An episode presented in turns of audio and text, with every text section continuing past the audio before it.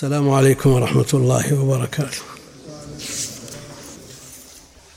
الحمد لله رب العالمين وصلى الله وسلم وبارك على عبده ورسوله نبينا محمد وعلى آله وأصحابه أجمعين. أما بعد فيقول المؤلف رحمه الله تعالى في كتاب في باب ما جاء في كثرة الحلف وفي الصحيح عن عمران بن حصين رضي الله تعالى عنه قال قال رسول الله صلى الله عليه وسلم خير أمتي قرني ثم الذين يلونهم ثم الذين يلونهم هذه الأمة هي خير الأمم بلا شك لقول الله جل وعلا كنتم خير أمة أخرجت للناس. والخيرية مقرونة بقوله جل وعلا تأمرون بالمعروف وتنهون عن المنكر. فحن فنحن فهذه الأمة خير الأمم إن قامت بالوصف الذي علقت عليه الخيرية. هذه الأمة التي هي خير الأمم خيرها قرنه عليه الصلاة والسلام. والمراد بهم صحابته رضوان الله عليهم. ثم الذين يلونهم ثم الذين يلونهم. القرن الجيل من الناس على قول كثير من أهل العلم ومنهم من يحده بالسنين فيقول مئة سنة أو مئة وعشرين أو قال بعضهم سبعون وقال بعضهم تسعون. أقوال كثيرة ذكرها الحافظ بن حجر في فتح الباري. هذا هذا القرن الذي حد بهذا الحد. قرن الصحابة انقرض بموت آخرهم أبو بموت آخرهم أبي واثلة عامر بن الطفيل الذي مات سنة عشر ومائة مئة وعشر. لأن النبي عليه الصلاة والسلام قال سنة عشر من الهجرة لا يأتي على الناس مئة عام وعلى وجه الأرض نفس منفوسة أو ما من نفس منفوسة يأتي عليها مئة عام. يعني من ليلته التي قاله فيها فمات أبو الطفيل سنة عشر ومئة. انقرض عصر الصحابة بوفاة آخرهم. وإن كان بعضهم يقول لا يسمى عصر الصحابة إلا إذا كانوا كثرة غالبة. وإذا كان الأكثر من التابعين قالوا هذا عصر التابعين وكذلك ما بعده. ولذا يقول بعضهم أن القرن أربع أربعون عاما. وابن حجر يرى أن القرن سبعون عاما بدليل أنه بعد وفاته عليه الصلاة والسلام سنة عشر إذا ضربنا السبعين في ثلاثة الناتج 220 مع العشر اللي 220 وحد نهاية القرون المفضلة بمئتين وعشرين لأنه كثرت فيها الفتن وكثر فيها القتل وكثر فيها الانحراف. هذا ما اختاره ابن حجر. وعلى كل حال لا شك أن جيل الصحابة جيل لا قبله ولا بعده خير منه حتى أن الصحابة وهم خير القرون خير الأمة والأمة خير الأمم. قالوا إن الصحابة أفضل من الحواريين. حواري عيسى ومن السبعين الذين اختارهم موسى عليه السلام ومن غيرهم من من من أصفياء الرسل. فلا قبلهم ولا بعدهم من يأتي ممن هو خير منهم قد يأتي بعض الأفراد من التابعين من هو في العلم أو في العبادة أميز من بعض الصحابة في هذا الباب. أما في باب الصحبة فأمر لا يناله أحد سواه. ولذا جاء في الحديث أن للعامل عند فساد الزمان مراد أهله له أجر خمسين قالوا منا أو منهم قال منكم. وهذا معروف أن التفضيل في العمل. بغض النظر عن الصحبة التي لا يشاركهم فيها أحد. قرني ثم الذين يلونهم ولا شك أن عهد التابعين فيه الخير أظهر والعلم والفقه في الدين والعمل والعبادة والدعوة أكثر. فهم الذين يلون الصحابة. يلوهم أتباع التابعين ويشاركونهم في ظهور الخير والعمل به والدعوة إليه. هؤلاء القرون الثلاثة هم أفضل الأمة. ثم يأتي أناس. ولا يزال كل زمان خير من الذي يليه. فلا يأتي زمان إلا والذي بعده شر منه إلى قيام الساعة. قد يقول قائل إننا رأينا في بعض الأقطار في العصور المتأخرة وقرأنا عن قرون متقدمة فلو قارنا وجدنا هذا المتأخر أفضل من المتقدم. هذا لا يمنع أن يوجد أفراد أفراد أو أناس معينين في جهة من الجهات يكونون أفضل من غيرهم في الجملة. و والمفاضلة الفردية ما هي بواردة. كلام على القرون على جهة العموم. على جهة العموم. خير أمتي قرني ثم الذين يلونهم ثم الذين يلونهم. قال عمران فلا أدري أذكر بعد قرنه مرتين أو ثلاثا المحقق أنها مرتان فالقرون المفضلة ثلاثة. ثم إن بعدكم قوم يشهدون ولا يستشهدون. ثم إن بعدكم. خطاب لمن؟ للصحابة ولا للقرون المفضلة؟ ما قال بعدهم قال بعدكم. بعد الصحابة. بعد الصحابة قوم يشهدون ولا يستشهدون يدرون بشهاداتهم قبل أن تطلب منهم قبل ولا يستشهدون ويخونون ولا يؤتمنون. يخونون الأمانات ولذلك لا يأتمنهم أحد. وينذرون ولا يوفون ويظهر فيهم السمن. أين الشاهد من الحديث للباب الحلف؟ يشهدون ولا يستشهدون الشهادة يكون فيها حدث ما يلزم أن يكون فيها حدث ها ويخونون وين اليمين وين اليمين ها؟ إذا جمع الحديث الذي بعده بين الشهادة باليمين. نعم. تسبق شهادة أحدهم بيمينه ويمينه شهادته. يفسره ما بعده فسره الحديث الذي بعده يشهدون ولا يستشهدون. وجاء مدح من يبادر بالشهادة. من يبادر بالشهادة. لماذا؟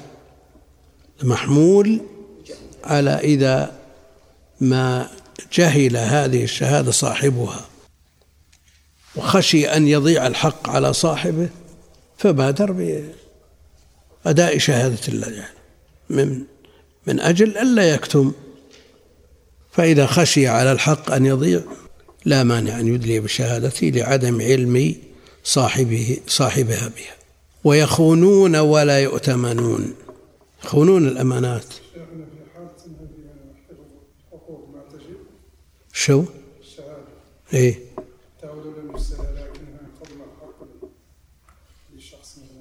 إذا إذا تعينت عليه تجب. ولو لم يسأل. ولو لم يسأل. إذا خشي من ضياع الحق على صاحبه تجب. يجب. مثل كتمانه. نعم. ويخونون ولا يؤتمنون.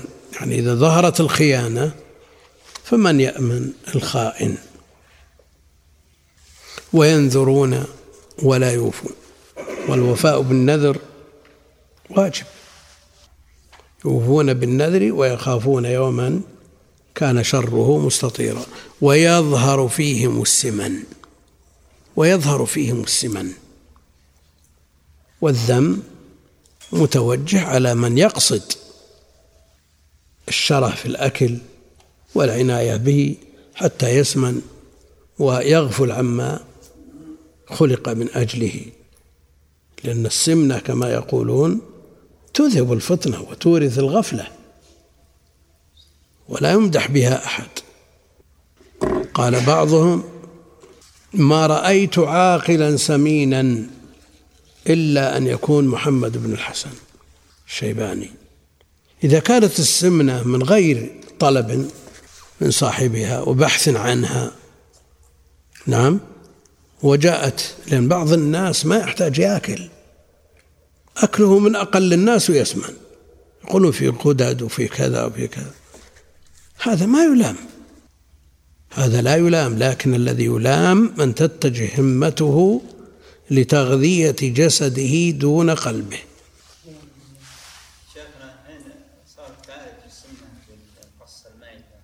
إذا اضطر الإنسان إليها وش المانع؟ إذا اضطر الإنسان إليها وأمنت المفسدة وش المانع؟ علاج. بعض الناس ما له علاج. ترك الأكل وأكثر المشي وفعل جميع الأسباب ويزيد. هذا ما له علاج. لكن أحسن الله هنا ظهور عام يكون غالبا فيهم السمن أو يظهر فيهم يعني يكثر. وفيه عن ابن مسعود رضي الله عنه أن النبي صلى الله عليه وسلم قال خير الناس هناك خير أمتي وهنا خير الناس وباق على عمومه لأن الأمة خير الأمم فخير هذه الخيرية خير هذه الأمة الذين هم خير الناس خير الأمم هم خير الناس. قارني ثم الذين يلونهم ثم الذين يلونهم كما تقدم ثلاث قرون القرون المفضلة ثم يجيء قوم تسبق شهادة أحدهم يمينه ويمينه شهادته. لا يهتم بالشهادة ولا باليمين. تجده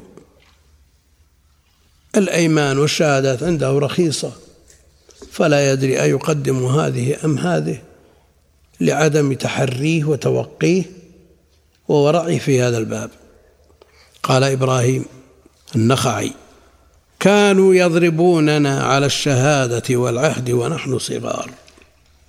كانوا يضربوننا على الشهادة والعهد ونحن صغار. وهذا من باب التأديب والتربية.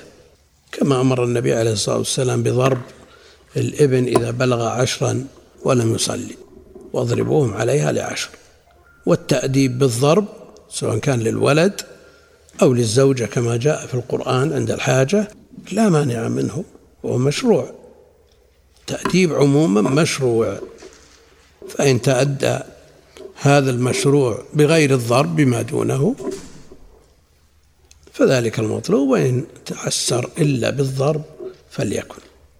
وكانوا يضربوننا يعني من ولاهم الله أمرهم إما ولاية خاصة كالأب ونحوه أو من ولي ولاية عامة كالإمام ومن ينيبه في هذا الباب يضربون.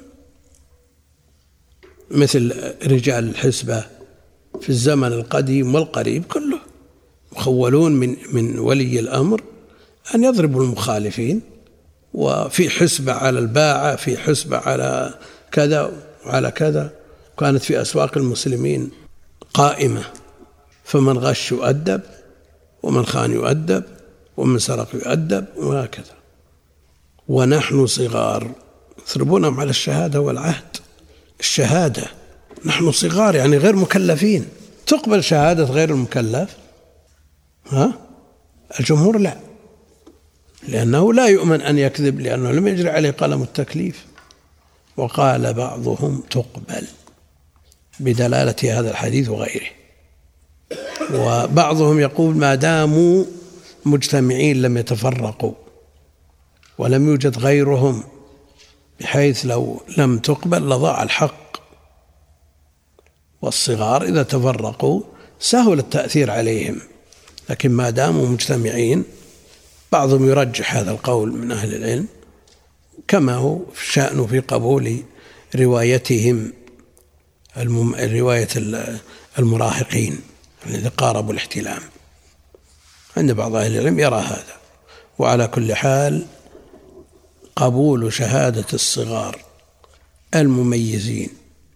إذا أمن التأثير عليهم لا شك أنه أهون وأسهل من ضياع الحق إذا لم يوجد غيرهم. فيه مسائل الوصية بحفظ الأيمان. الله جل وعلا يقول احفظوا أيمانكم. الوصية بحفظ الأيمان. الثانية الإخبار بأن الحلف منفقة للسلعة ممحقة للبركة.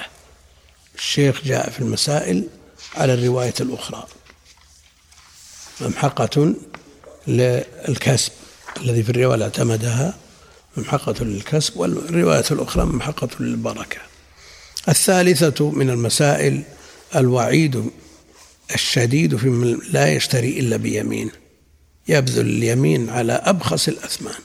لو أراد أن يشتري بصلة حلف ولو أراد أن يبيع مثلها حلف.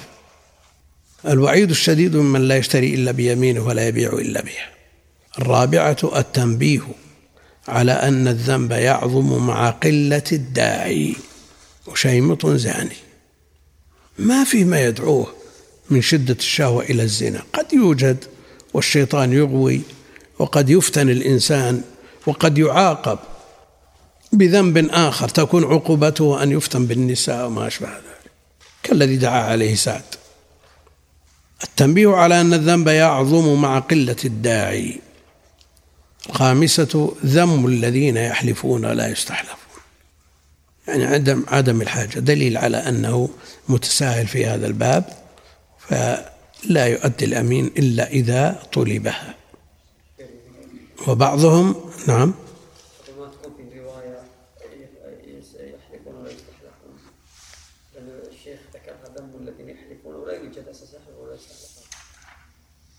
ما في ولا يستحلفون. الحديث الحديث اللي معنا يشهدون ولا يستشهدون لكن ما في يحلفون ولا يستحلفون قياس قياس على الشهادة. مثله. الشهادة مفادها إثبات الحق. سواء صاحبها اليمين أو لا أو لم يصاحب. لكن هذا أشد. إذا أدى شهادة قبل أن يطلبها وأكد ذلك باليمين هذا أشد. السادسة ثناؤه صلى الله عليه وسلم على القرون الثلاثة أو الأربعة بناء على الشك من عمران. لا أدري أذكر بعد قرنه ثلاثة اثنين أو ثلاثة والراجح أنها ثلاثة. ثلاثة مع قرنه. وذكر ما يحدث بعدهم من الخصال التي جاءت في الحديث. السابعة ذم الذين يشهدون ولا يستشهدون. مثل ذم الذين يحلفون ولا يستحلفون والشهادة لا شك أن فيها تضييع للحقوق إذا كانت بغير حق وبعضهم بعضهم يستروح إلى رد الشهادة إذا أديت قبل طلبها. نعم. إيه. يكفر حتى يغلب على ظنه أنه أدى حتى يغلب على ظنه ما نتأكد. تأكد صعب. الثامنة كون السلف يضربون الصغار على الشهادة والعهد. وهذا من باب التربية والتأديب. يقوم به الأب ويقوم به ولي الأمر ومن ولاه أم من من نوابه لتأديب الصغار وتنشئتهم على الصدق. والأخلاق الفاضلة. والله أعلم. المعلم له أن يؤدب. شو؟ هذا شيء ها؟ العلاقة الآن ما هو من تعظيم الله جل وعلا حفظ الأيمان. وكثرة الأيمان من تضييعها وعدم حفظها. والأيمان من أجل تعظيم الله جل وعلا. ذكرت هذا في أول. ها؟ لا بعد العشاء. ها؟ لا كفارة لها. أعظم من أن تكفر. أي نعم. أعظم من أن تكفر مثل قتل العمد. صلى الله العافية نعم شو؟ إذا كان في مصلحة ولا مضرة فيه ولا مفسدة شو ما